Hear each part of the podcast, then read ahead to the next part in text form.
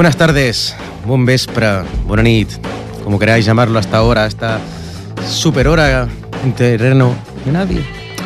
De 8 a 9 de la noche, vespra, tarde, nit. Tercer programa de Ratones de Guardilla, programa número 3, en este miércoles 16 de enero de 2019. ¡Feliz Año Nuevo! Espero que hayáis pasado unas felices fiestas y habéis entrado este 2019 mejor que el 2018. Con energías, con ganas, con nuevos propósitos, se cumplan o no, con esperanzas, con optimismo. Llegó 2019 y este 2019 nos trae el tercer programa de Ratones de Guardilla, este programa que se hace cada tercer miércoles de mes, sí, de 8 a 9 de la tarde, noche véspera. Ripollet Radio, emisora de esta localidad del Vallés Occidental, Barcelona, Cataluña, España, el Mon, Europa, bueno sí, Europa antes que el Mon, la galaxia. Y cómo no, presentada, tal y como dice su nombre, por unos ratoncitos en la guardilla. Os habla Perico, como ya viene siendo habitual, el que nunca os va a fallar este ratoncito, yo que habito en esta guardilla de Ripollet. También podéis escuchar este programa por ripolletradio.cat. Hay un pequeño reproductor, si lo queréis hacer en directo, o a través del, a ver si lo digo bien, podcast. Hoy sí, descargando el programa. 91.3, también en directo y en diferido los domingos por la mañana a las 9 de la mañana. Hoy, hoy va a ser un día especial. Pero antes, eh, recordemos, el año pasado, este segundo programa de guardillas, de guardillas, de ardillas. ¿De qué trató este segundo programa de guardilla? Ah, esta música relajante, con solera de madera, vintage. Así me gusta. Pues ahora me inspiro. ¿Qué ocurrió en este segundo programa de ratones de Boardilla? Básicamente, pues bueno, condenamos los dos brutales asesinatos del mes de diciembre, ¿no? Los de perrita Sota, a manos de un policía local de Barcelona y de la joven profesora Laura, esa joven zamorana que fue asesinada brutalmente en Huelva. También dimos con una vieja caja de VHS y de cassettes con grabaciones de series de nuestra infancia, de los años 70, 80 y 90. No, no voy a decir mi edad. Los ratones no tenemos edad, es diferente de los humanos, ¿eh? no vamos por años, sino por años ratoniles.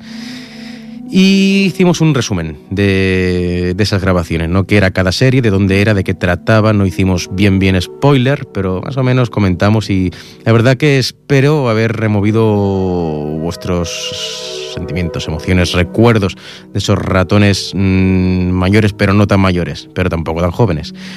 Y finalmente, pues hablamos un poquito en el anterior programa para acabar un mm, poquito de nuestros ratoncitos amigos del Club de Ajedrez Palau Sid en sede en, con la sede en la Asociación de Vecinos Cambargas, esto es en la calle Federico García Lorca número 5. Explicamos sus actividades que acaban de comenzar y que además eh, van a participar ya mismito en la Liga Catalana de Ajedrez en tercera regional. Club de Ajedrez Ocio Cultura de reciente fundación en la Asociación de Vecinos de Cambargas de Ripollet, Federico García Lorca número 5. Ay, se me está yendo un poco el ritmo, estoy hablando demasiado rápido, esto no puede ser. No sé, luego a ver si alguien me puede decir si vocalizo o no. Espero que sí. Poco de queso, por favor. Un poco de queso. Bien, pues entremos en materia. Entremos en materia este tercer programa de Ratones de Guardilla. A ver qué va a ocurrir hoy. ¿Qué va a ocurrir? Pues vea, como el anterior programa lo acabamos hablando un poquito de ajedrez, vamos a volver a hablar de ajedrez, ¿no? Acabamos de ajedrez el, último y este, pues, volveremos a hablar un poco de ajedrez. Esta vez eh, he dado he dado con un viejo teléfono y creo que voy a hacer un poquito de mis de mis ¿cómo lo diría? Seré una mica trapella, ¿no? Seré un poco travieso. Voy a hacer un poquito más adelante, de aquí unos minutos, voy a hacer una llamada a un ratón, a un ratulí de camp, a un ratón que no es de, ciudad, sino es bien bien de... vive en una buhardilla del interior de Cataluña y está relacionado también como, como ratón de Susanita con un poquito con el, con el mundillo del ajedrez. A ver si, ya que estoy, voy a poner un viejo cassette que hay y voy a hablar un poquito de ajedrez, una música inspiradora, a ver si, si está por aquí. Eh, Sí, a ver, Normon pone esta cassette, a ver si me funciona. A ver si me, a ver si me funciona esta música de Normund. Oh, ostras, no sé poner es- este cassette. Voy a probar otro, a ver, voy a probar otro. Y de paso voy... Bueno, sí, primero voy a hacer mi... Mi travesura. Voy a coger este viejo teléfono a ver si funciona para llamar a, a un amigo ratoncito del interior.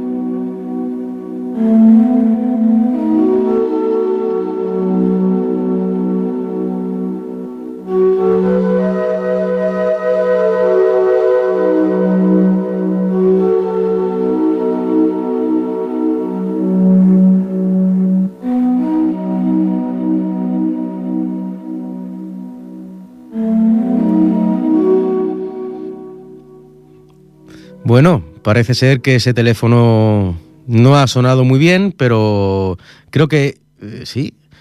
Eh, ahora, sí, señor. Muy bien. Ratolí Perkins. Hola, bona nit. Hola, bona nit. Què tal, com va, senyor Ratolí, president del Club d'Escacs dels Ratolins de Manlleu? Com estem? Aquí, mira, ara acabant de fer quatre coses pel club. Sí, senyor, estem tots, tots liats, no? Els ratolins que ens agraden els escacs, que som de golfes i d'escacs, del teix i d'escacs, estem una mica liats ara mateix perquè començarem a jugar contra altres ratolins de, de tot Catalunya, bàsicament. Com es presenta? D'on és vostè, senyor Perkins? De Manlleu. De Manlleu, sí senyor, aquesta localitat, a la vora del riu Ter, si no m'equivoco, no? Uh, exacte, La segona ciutat més gran d'Osona, possiblement? Correcte. Molt bé, ja veig que la meva base de dades no està del tot eh, rovellada. Expliqui'm, vostè dirigeix un club d'escacs a Manlleu. A quina categoria podem trobar aquest club d'escacs? Bueno, aquest club d'escacs doncs, té dos equips. Uh, el dirigeixo des de fa un any i mig, des de l'octubre del 2017. Sí, senyor. És un club pràcticament recent, de nova creació, bueno, ara mateix tenim dos equips competint, bueno, el que competirem el pròxim diumenge, que comença el dia 20, la Lliga Catalana, a segona categoria i a tercera categoria. És a dir, un equip A a segona categoria i un equip B a tercera categoria. Quants Correcte. jugadors federats tenen... Quants ratolins federats hi ha a Manlleu? Doncs ara mateix tenim 19 ratolins federats en fitxa Sí? i som aproximadament uns 35 socis. Perfecte, 35 socis, no tots mm, estan federats, només 19, però aquests 19 jugaran a segona provincial i a tercera provincial, sí?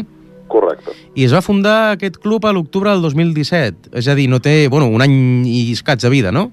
Sí, sí, un any escaig, així com hi ha clubs més històrics arreu de la geografia catalana, que l'altre dia vam jugar amb uns, amb uns companys que ens deien que el seu club tenia més de 100 anys, doncs, bueno, el nostre és uh, formació recent, no?, i, bueno, molt, molt contents, molt orgullosos de la feina i la tasca feta fins ara i per aportar el nostre granet de sorra dintre el món dels escacs doncs, a la capital del Ter, en aquest cas Manlleu, i, i tenir un nou club més, evidentment, dins la Federació Catalana i dins la comarca d'Osona.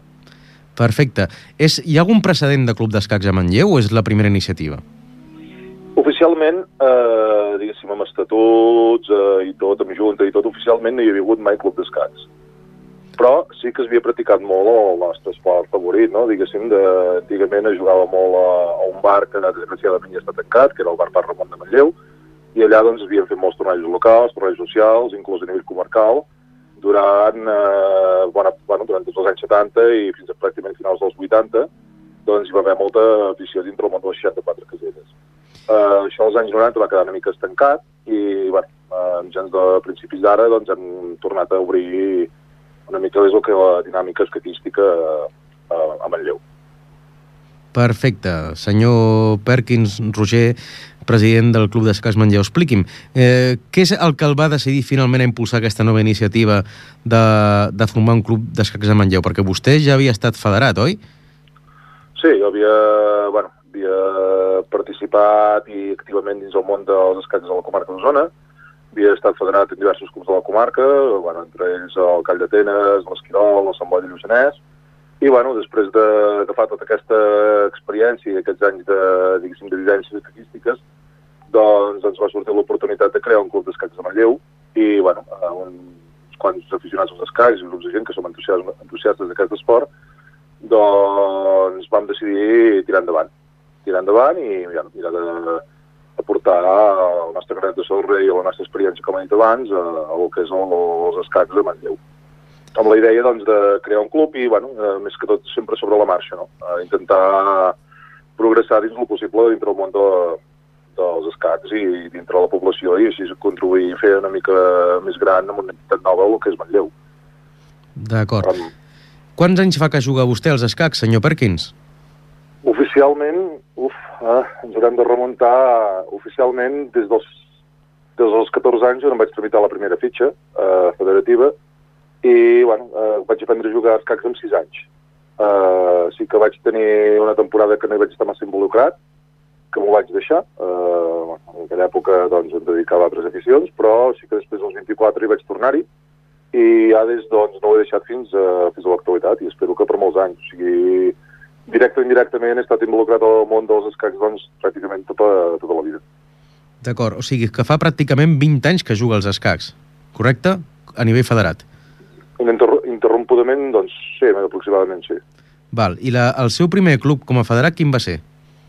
El Club Escacs L'Esquirol. O sigui, antigament es deia la penya d'escacs L'Esquirol, però bueno, és el Club Escacs L'Esquirol. Era un club d'escacs que era el, el municipi que hi ha, diguéssim, al nord de Manlleu, al costat, i sí. bueno, allà a través de també una sèrie de gent i un grup d'amics, doncs es va començar a agafar afició i bueno, jugaven moltes partides a les tardes, als, als cafès, als bars del poble, finalment es va decidir crear un club d'escacs, i el club va estar durant, actiu durant més o menys uns 12 o 13 anys i bueno, després per motius que bueno, mm, per motius de suposo que molta gent que hi havia a la Junta es va cansar o es va cremar o el que fos doncs es va deixar d'existir de, oficialment i mica en mica es va anar perdent l'afició i bueno, suposo que també són una mica de d'anys que hi ha molta afició i anys que no n'hi ha tanta i la implicació de la gent també ha de ser ni molta ni poc, ha de ser la justa perquè les coses funcionin, i finalment vaig decidir doncs, eh, fitxar per un altre club, i bueno, que va ser el Sant Boi de Lluçanès, en el qual vaig estar quatre temporades.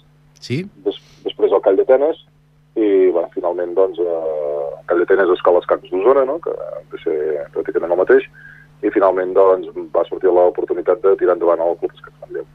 Perfecte, o sigui, si entes bé, Vostè ha jugat, eh, és un ratolí de camp amb molt recorregut eh, per tota la comarca d'Osona i fins i tot podem atrevir-nos a dir que per dues subcomarques, no? que són el Lluçanès i el Cabrerès, correcte? Sí, sí, correcte. Perquè l'Esquirol és el mateix que Santa Maria del Corcó, sí? Sí, és un poble que, una curiositat, que altres municipis de la geografia catalana doncs, eh, té dos noms i, correcte, Santa Maria del Corcó seria el nom diguéssim oficial, on enviaríem les cartes, i el nom religiós, i l'Esquirol doncs, seria el nom popular tot i que si no tinc mal entès, eh, fa aproximadament uns dos anys va sortir, va, eh, va sortir elegit oficialment el nom de, de l'Esquirol per, a través de referèndum popular a, a l'Esquirol. Molt més pintoresc, si més no, aquest nom. Ratolí Perkins, el el tema de... Després, quan va plegar del Sant Boi de Lluçanès, que i d'Atenes, eh, a quina categoria va jugar? Perquè recordo eh, que uns ratolins d'aquí del Vallès Occidental van tenir el gust de jugar amb vostès. Quina categoria era? Uh, si no recordo malament, era la primera provincial, el grup 3 de Barcelona. déu nhi quina memòria tenen aquests ratolins de l'interior. Senyor eh, ratolí Roger Perkins, una altra pregunta que, que és, és obligada. A part de jugar a la Lliga Catalana, quines activitats fa el Club d'Escacs Manlleu? Doncs, bueno, entre, a part de jugar a la Lliga Catalana, que és el que acostumen fer pràcticament la gran majoria de clubs catalans i de jugadors que estan federats a través de la Federació Catalana d'Escacs, eh, bueno, el Club d'Escacs Manlleu organitza tallers d'inicis d'escacs, sobretot els nens del municipi que vulguin aprendre els secrets d'aquest eh, esport, joc, art mil·lenari, diguem com, com vostè vulgui. Uh, després també fem un, un, tenim programat un taller, un taller social per gent gran, gent més de 60 anys, per sempre et pots trobar el típic jugador que ara està jubilat, que té molt temps, que quan era jove havia jugat o que havia jugat, però no, no, no trobava un lloc per anar a fer la partida, o, o que fos per tornar a recordar una mica dintre el món dels escacs. I després també fem un, un torneig social, en aquest cas local, obert a tothom, i tots els jugadors del municipi i de la comarca que vulguin participar, que, que comença doncs, just després de finalitzar la Lliga Catalana. Uh, el torneig el fem els dissabtes a la tarda a la seu del nostre club, i bueno, intentarem que aquest any tingui més participació que l'any passat. L'any passat vam ser uns, si no recordo malament, uns 22 jugadors, i aquest any intentarem aportar una mica més de, de trofeus, de premis i una mica més de glamour que és el torneig social sí que l'any passat va ser una mica molt, com tu diries, descafeinat potser no és la paraula, molt, molt per sobre en el sentit que potser eren més els jugadors del club que res més, perquè potser encara no ens coneixíem tant com aquest any. Tots sabem que les coses, coneixent-les, doncs eh, la gent parla més de, del tema de t'has de fer una mica boca a boca, orella a orella i, i promocionar-te no, dintre, dintre del municipi com a entitat. Genial. I de cara a altres ratolins que venen a visitar la seva zona, la seva comarca, eh, fan també activitats? Uh, sí, també organitzem, tenim un, bueno, tenim un circuit de llampec de partides ràpides, en el qual col·laboro i també formo part de, de l'organització, amb un acord que vam arribar al Call d'Atenes, i bueno, es tracta d'un circuit de partides ràpides de 5 minuts o 4 minuts més del segon increment, per tothom qui ho vulgui, gent de la Catalunya Interior, gent de... Antigament hi havia hagut clubs d'escacs a Ripoll, a Puigcerdà, si no recordo, gent del Vallès, doncs, diguéssim, el, el format es pot dir que és, com t'ho explicaria, com el, el circuit, bueno, com el format de la Fórmula 1, o sigui, un gran premi seria un torneig i així excessivament fins a final d'any. A final d'any, qui té més punts, doncs guanya el circuit Llampec d'Escacs d'Osona, no? O sigui, tot, cada circuit suma X punts, depèn de la classificació que quedi cada ratolí. Uh, independentment d'això, uh, també fem altres activitats com sessions de simultànies o, o bueno, una mica tothom hi és convidat, també. També som una colla de jugadors del club que estem bastant implicats i som jugadors molt actius que participem en diversos tornejos arreu de la geografia catalana. Aquest any hem jugat, per exemple, en tot el circuit gironí, eh, jo i quatre membres més del club. Eh, hem anat a jugar al Festival Internacional d'Escacs de Platja d'Aro, ens hem mogut, hem, som jugadors bastant actius i a partir d'aquí doncs, eh, compartir i obrir les portes a tothom que vulgui practicar o, o què són els escacs. És a dir, vostès col·laboren amb una sèrie de clubs d'Osona, no? un dels més importants doncs, és, és Cai d'Atenes, Escola d'Escacs d'Osona, i amb altres clubs de petits municipis de la comarca per fer un torneig de festa major cada municipi i finalment tenen un còmput global de puntuació per als més fidels a aquest circuit de tornejos a final d'any. Sí, senyor? Sí, pel nombre de victòries sigui, sempre hi ha premis o, o sigui, abans de Nadal es fa l'última prova que és el, el torró o, o, el llampec torró, perdó on es fa en acabar amb piscolabis i l'entrega de premis i el, diguéssim, el jugador que a nivell individual hagi obtingut més punts durant l'any doncs és el guanyador d'aquest circuit. En sí. aquesta última edició va ser el jugador del club Escacs Olot, Ernest Serrat, i bueno, eh, a partir d'aquí mm, clar, cadascú queda com queda, diguéssim, quantes més nombre de victòries més punts. I, bueno, eh, es tracta d'aconseguir el número màxim punts possible per, per tenir el major premi possible. No? A part que, com molt bé dius, també hi ha un, un premi de fidelitat al circuit. O sigui, quantes més proves jugades, més, més punts obtindràs per tenir el premi de fidelitat. Genial. En aquest cas són, són llibres d'escacs, o lots d'embotits, o, bueno, o, el que sigui, promocionar una mica també els productes autòctons d'Osona, que molta gent sap conegut que és una gran comarca coneguda pels embotits. Genial. mm, última, últims minuts. Uh, amic Perkins, uh, ratolí de, de l'interior de Catalunya, de la comarca d'Osona, uh, un parell de preguntes més. Uh, faran alguna cosa de col·laboració amb municipis que no tenen club d'escacs?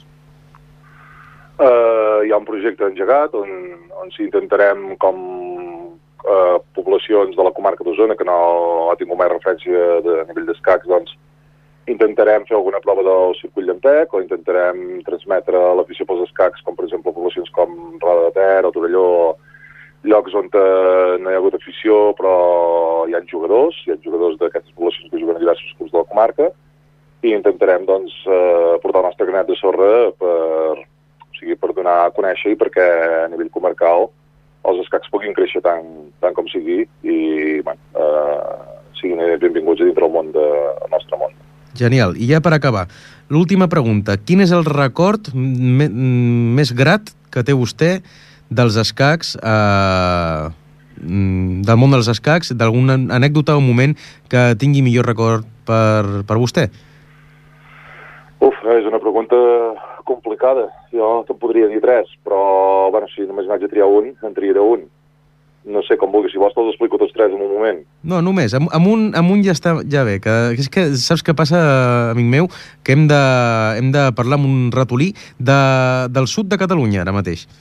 Expliquin, si us plau, breument aquest, aquesta experiència inoblidable. Va, doncs potser segurament la més inoblidable de totes és quan l'estiu del 2016 vaig estar un mes de vacances a Rússia, Sí? I vaig tenir bueno, la sort de poder participar en dos tornejos d'escacs doncs, contra grans jugadors eh, russos. Un torneig a una ciutat que es diu Centre Rússia, que es diu Ufà, un sí? altre a Kazan i un altre a Podquinsk. Allà vaig participar en diversos tornejos de partides ràpides i vaig conèixer àrbits internacionals russos i, bueno, eh, dins d'aquest mateix viatge també vaig tenir l'oportunitat de visitar un club escacs Moscou, Sí. I, bueno, veure el Museu dels Escacs doncs, a la plaça Roja de Moscou i veure, diguéssim, per exemple, la partida del famós Mundial que van jugar a Karpov Kornoi. Déu-n'hi-do. Sí. Un ratolí, un ratolí viatger. El més, el més inoblidable. Ratolí viatger per les terres de Rússia, per la terra dels tàrtars també. He escoltat Kazan, pot ser? Kazan, sí, correcte. Déu-n'hi-do. O sigui, no ha anat a la part de Rússia més a prop de, de l'Europa Occidental, no? També ha anat una mica més endins. Sí, és Rússia Nord, Rússia Central, està, diguéssim, com diria, a la falda dels Monts Urals. Eh, perquè facis una idea, clar, evidentment que el mapa de Rússia és grandiós, no? Però perquè facis una idea és mm, més a prop dels Monts, Monts Urals que no pas de Moscou, per dir una idea. Genial. Senyor Ratolí Roger Perkins des de Manlleu, moltes gràcies per, per explicar-nos aquestes quatre coses sobre els escacs i sobre la seva vida personal dins dels escacs i sobre el Club d'Escacs de Manlleu i l'activitat escaquística a la comarca d'Osona. Estarem encantats d'enviar els nostres ratolins del Vallès Occidental a fer-los una visita. Moltes gràcies i fins la propera, amic. Moltes gràcies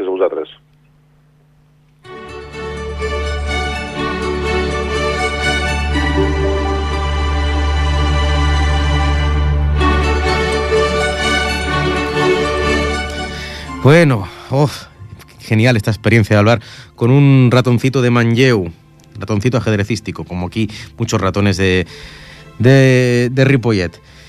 Y ahora suena la Champions League, porque es que ahora quiero cambiar, quiero algo más movido, no quiero hablar ahora más de ajedrez, ahora quiero hablar un poquito de fútbol, pero no de, un fútbol cualquiera, no, de un fútbol de, de años atrás, ¿no? Desde los años 80 hasta hoy en día, hasta nuestros días, ¿no? Jugadores míticos, eh, estadios míticos, categorías míticos, momentos inolvidables del mundo del, del fútbol, ¿no?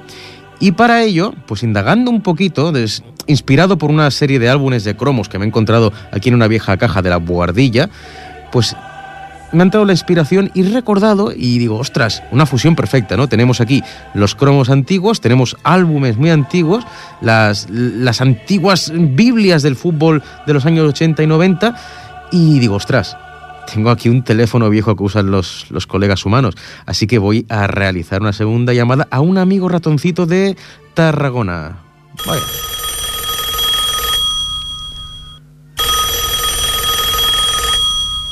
Hola?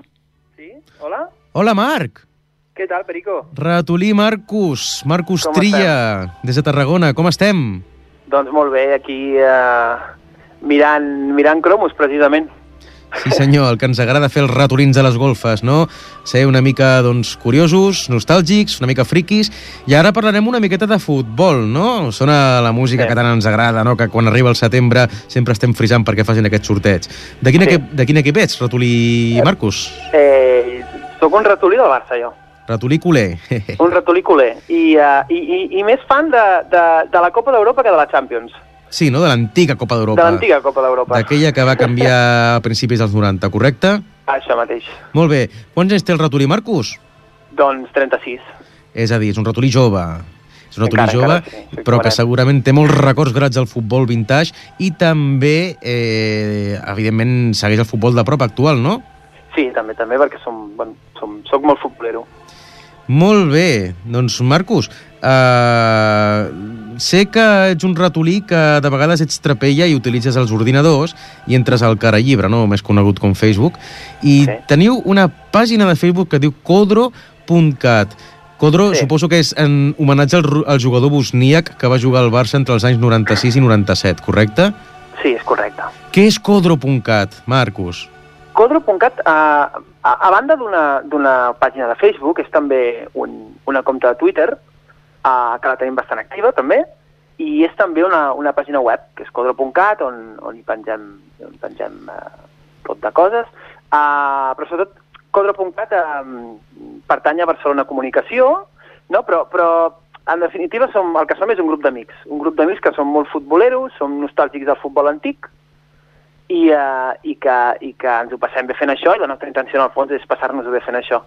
I que és un projecte que, que, que no hem inventat res uh, però, però sí que, que, que el que volem és, és, és um, omplir el, el buit que potser aquest tipus de, de, de contingut i de web sí que hi ha en altres idiomes, com en castellà o en anglès, però nosaltres ho fem en català per, per, per omplir el, el buit que creiem que, que hi havia i que ningú estava fent i que nosaltres, eh, amb tota la unitat del món, intentem fer i sobretot per passar-nos bé.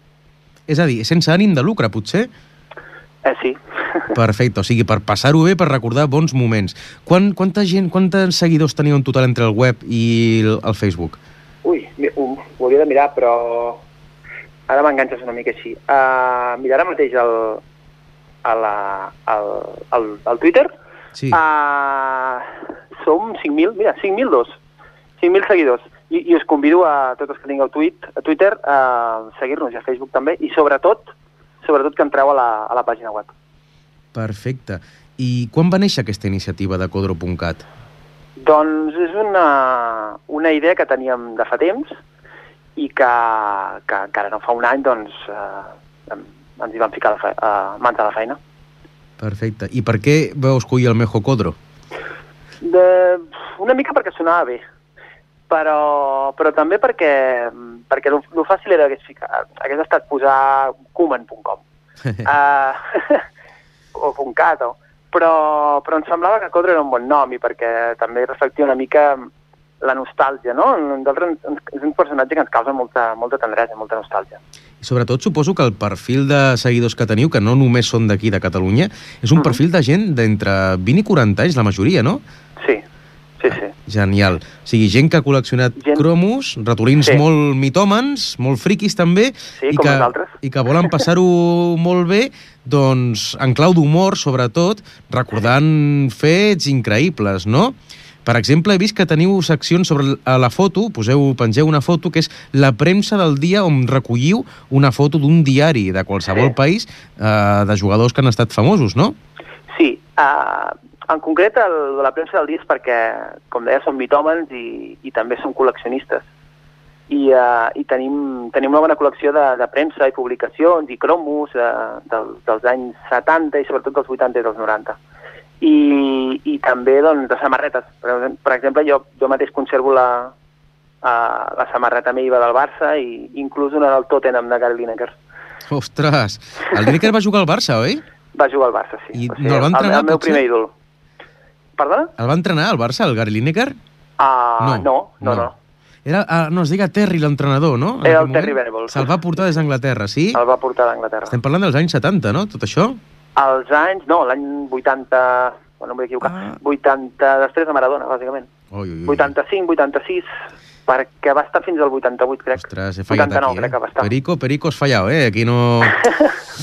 Bé, doncs, eh, ara et posaré una cançó, una cançó, aviam si reconeixes de quin any és i a quin esdeveniment esportiu pertany. Molt bé.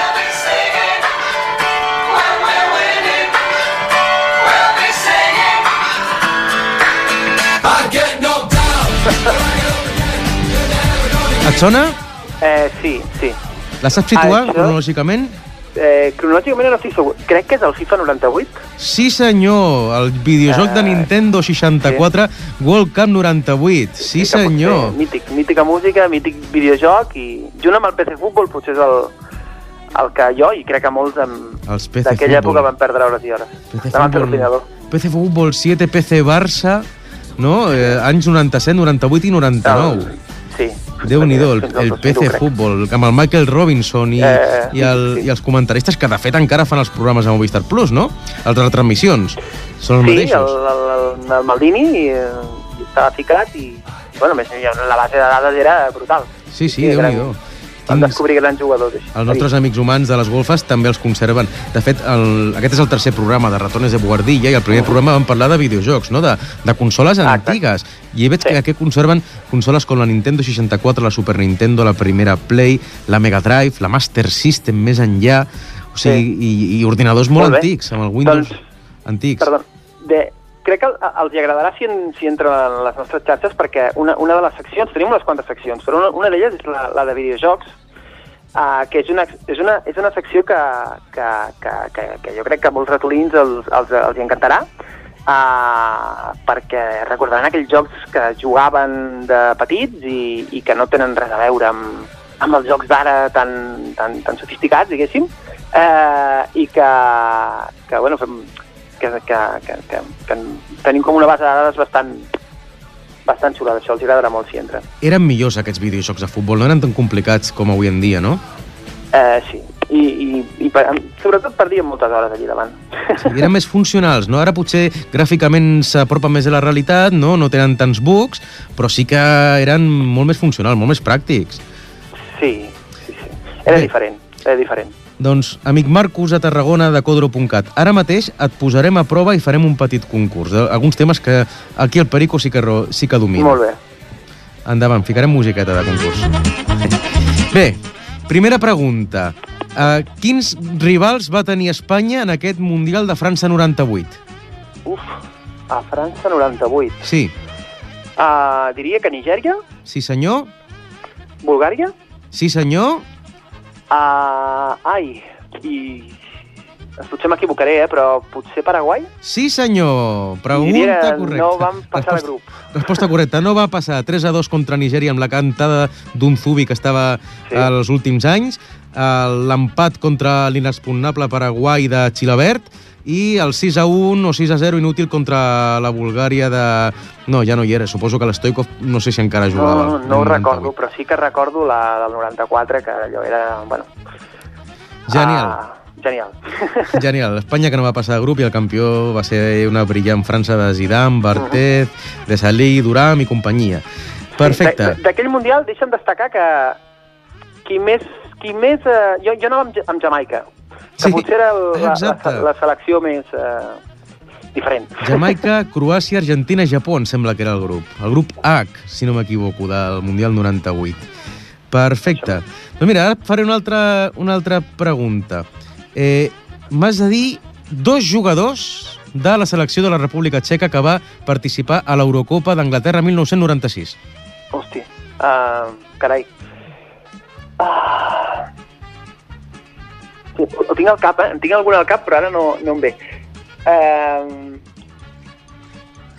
Ai, un, sé que un jugava al Manchester, que era molt bo, i no me'n recordo. Desastre, aquí he fallat, eh? Aquí el ratolí li Sí. falla la memòria. Bueno, et dono una pista. Un es diu de nom Karel. Jaworski. Sí, senyor, el Poborski, mític Era jugador. I l'altre té nom molt simpàtic, de conserves.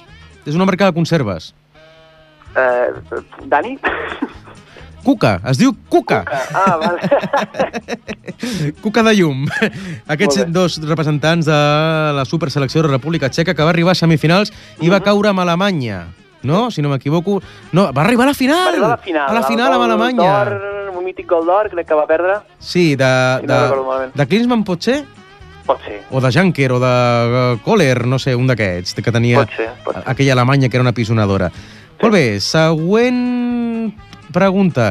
Campiona de l'Eurocopa de l'any 900 1992. Home, Dinamarca. Sí, senyor, la dinamita roja que va arribar per sorpresa De- convidada sí, sí, en aquella rebot. Eurocopa que es va jugar on, Marcus? Ah, diria, diria que Anglaterra, no. No. 92, a Suècia, potser? Sí, senyor, a Suècia. Molt bé, perfecte. I ara, una altra, una altra pregunta. Ara canviem, deixem el futbol internacional i anem al futbol més, més d'aquí. Jugador jugoslau que li deien el nou Mijatovic, que va, que va jugar al Barça entre els anys 96 i 98. Perdó, 97-99.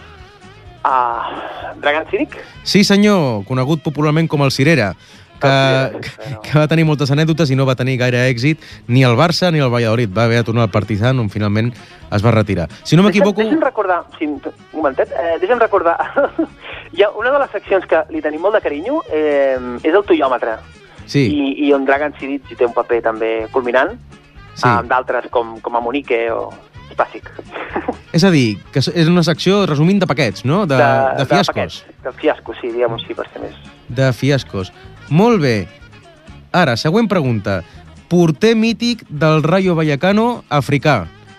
Ah, Wilfred, Sí, senyor Wilfred, tristament va morir, molt jove, però es va deixar la seva, la seva empenta a l'estadi de Vallecas, amb aquell Rayo Vallecano. Molt bé, ara m'hauràs de dir quatre equips, quatre equips que estan molt avall, molt avall, molt avall ara en categories espanyoles i, i que van jugar a la primera divisió entre els anys 95 i 99. Quatre equips. quatre, a veure. Um, Burgos? Digues? El Burgos? Al Sí, Burgos. sí, davant, Bueno, el el Burgos potser una mica abans, no? Una Fins l'any abans. 90 90-93, si no m'equivoco. A partir del 95, m'has dit, eh? Sí, Eh... El, el Compostela? sí senyor, el Compos. Salamanca? Salamanca, sí senyor. A Extremadura? Sí senyor. I... Uh... Carai, uh... també l'Oviedo, però crec que l'Oviedo està a segona divisió ara. Un que estigui més avall i calent calent amb l'Extremadura. Ah, el Castelló, potser. Castelló, sí senyor. I jo anava a dir el Mèrida, però bueno, I el Mèrit, també. sí. també el, el Super Mèrida. Molt bé. Nom de l'estadi del Club de Futbol Palència. El Màntico? No, No, aquest és Salamanca. Salamanca. Uh, no ho sé, València sí que no ho sé. La Nueva Balastera. Vale. Seguim amb, el, amb, els, amb, el, amb, el, amb els noms. Hem dit l'Extremadura, doncs digue'm el nom de l'estadi de l'Extremadura. Uh, ni idea, però um, per fer veure que no que no sóc tan dolent, diré que a l'Extremadura hi va jugar el mític Kiko Narváez. Sí, senyor. el Kiko. bueno, jo diria que el camp de l'Extremadura es diu Municipal del Mandralejo Francisco de la Era, correcte? Molt bé. Molt bé. Genial. Vale.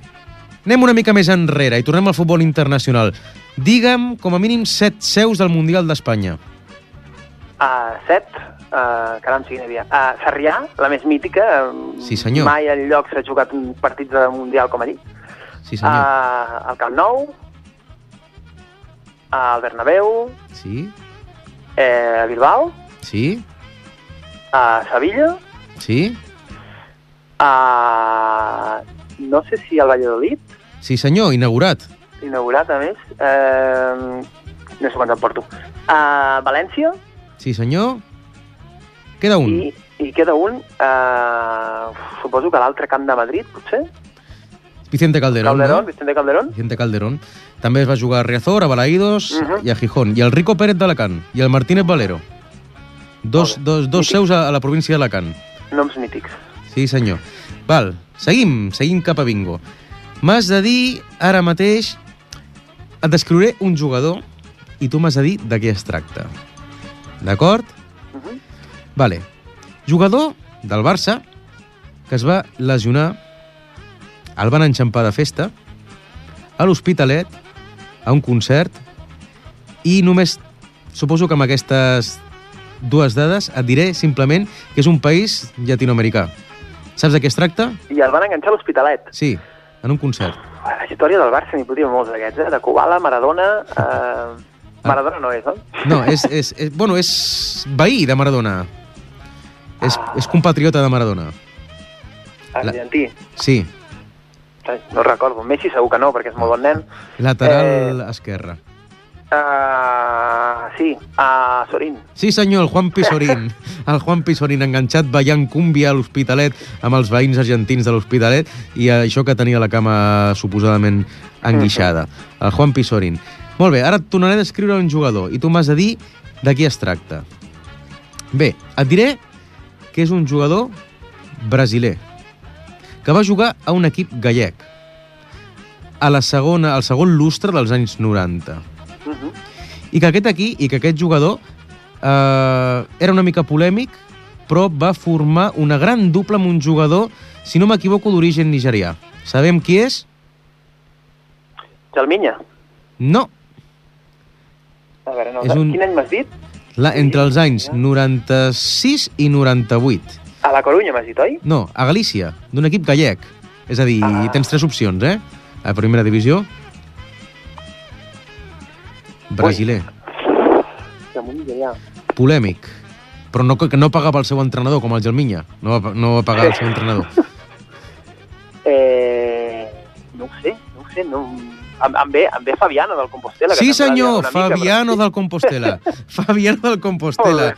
Molt Molt bé. Perfecte. I ara, la, la darrera pregunta. En quins equips va jugar Mejo Codro? Ah, mític. A, a, al Mostar, si no m'equivoco. Vélez de Mostar, de Bòsnia? Vélez de Mostar, a la Reial Societat, Sí, senyor. al Barça Sí, senyor. i al Tenerife. Queda un. Eh... Buah, O potser no estic som- equivocat, eh? Però a mi em sona que també va jugar a l'Alavés. A l'Alavés, sí, sí, sí. Sí, Sí? sí, sí. Perfecte. Finalitzem el concurs. Marcus, que estic que sense veu tinc... Eh, necessito un tros de formatge. Marcus, eh, ens queden 5 minuts de programa. Amb tu doncs, estarem dos minutets més al Perfecte. telèfon des de Tarragona. La gent de codro.cat. I ara et posaré una cançó i segur que et sona aquesta. I suposo que és d'un any que ja m'has esmentat. Focs d'artifici, eh?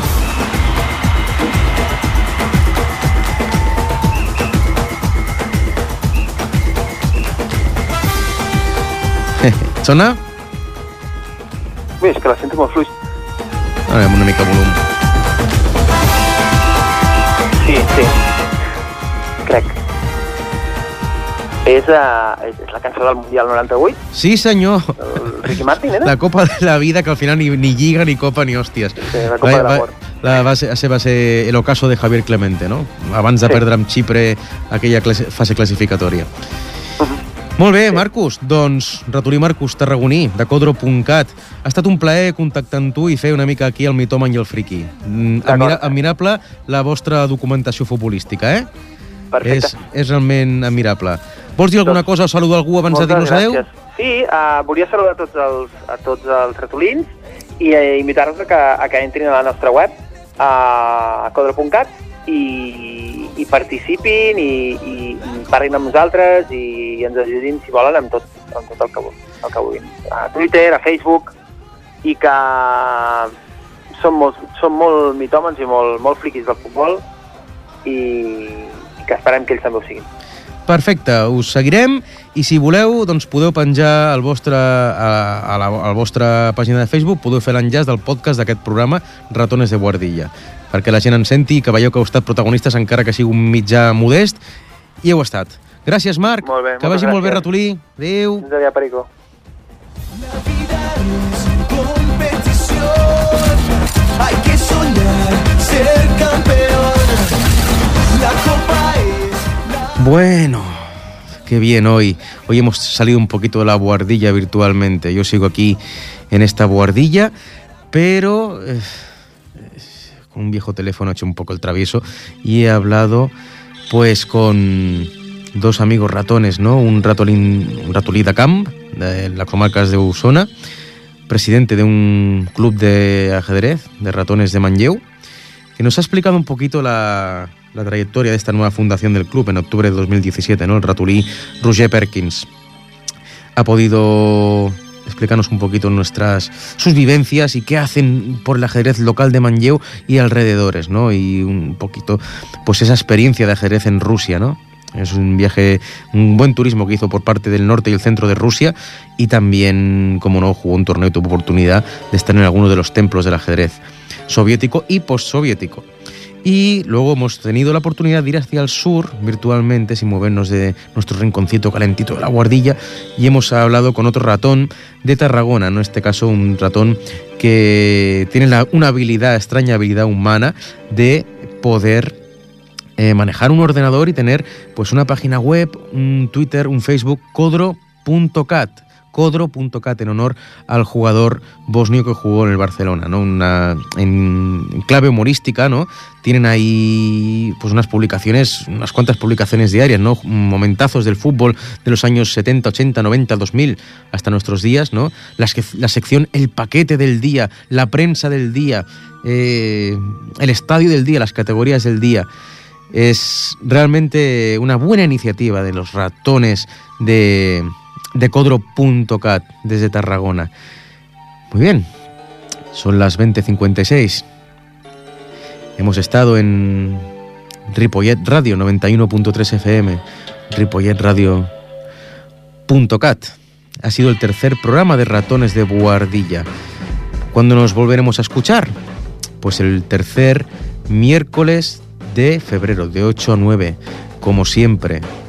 91.3, ripolletradio.cat. Espero haberos hecho un pasado un buen rato, ¿no? Con mi viejo teléfono. Oye, deja mi teléfono. Ah, no sé ni cantar. Esto lo canta una, una humana, ¿no? De, de, aquí, bastante famosilla estos últimos meses. Eh, un antiguo teléfono y un viejo álbum de cromo que me ha inspirado, ¿no? Y unas viejas piezas de Jerez para hacer un popurri. En fin. Jaque mate a otro programa. Hasta la próxima, amigos.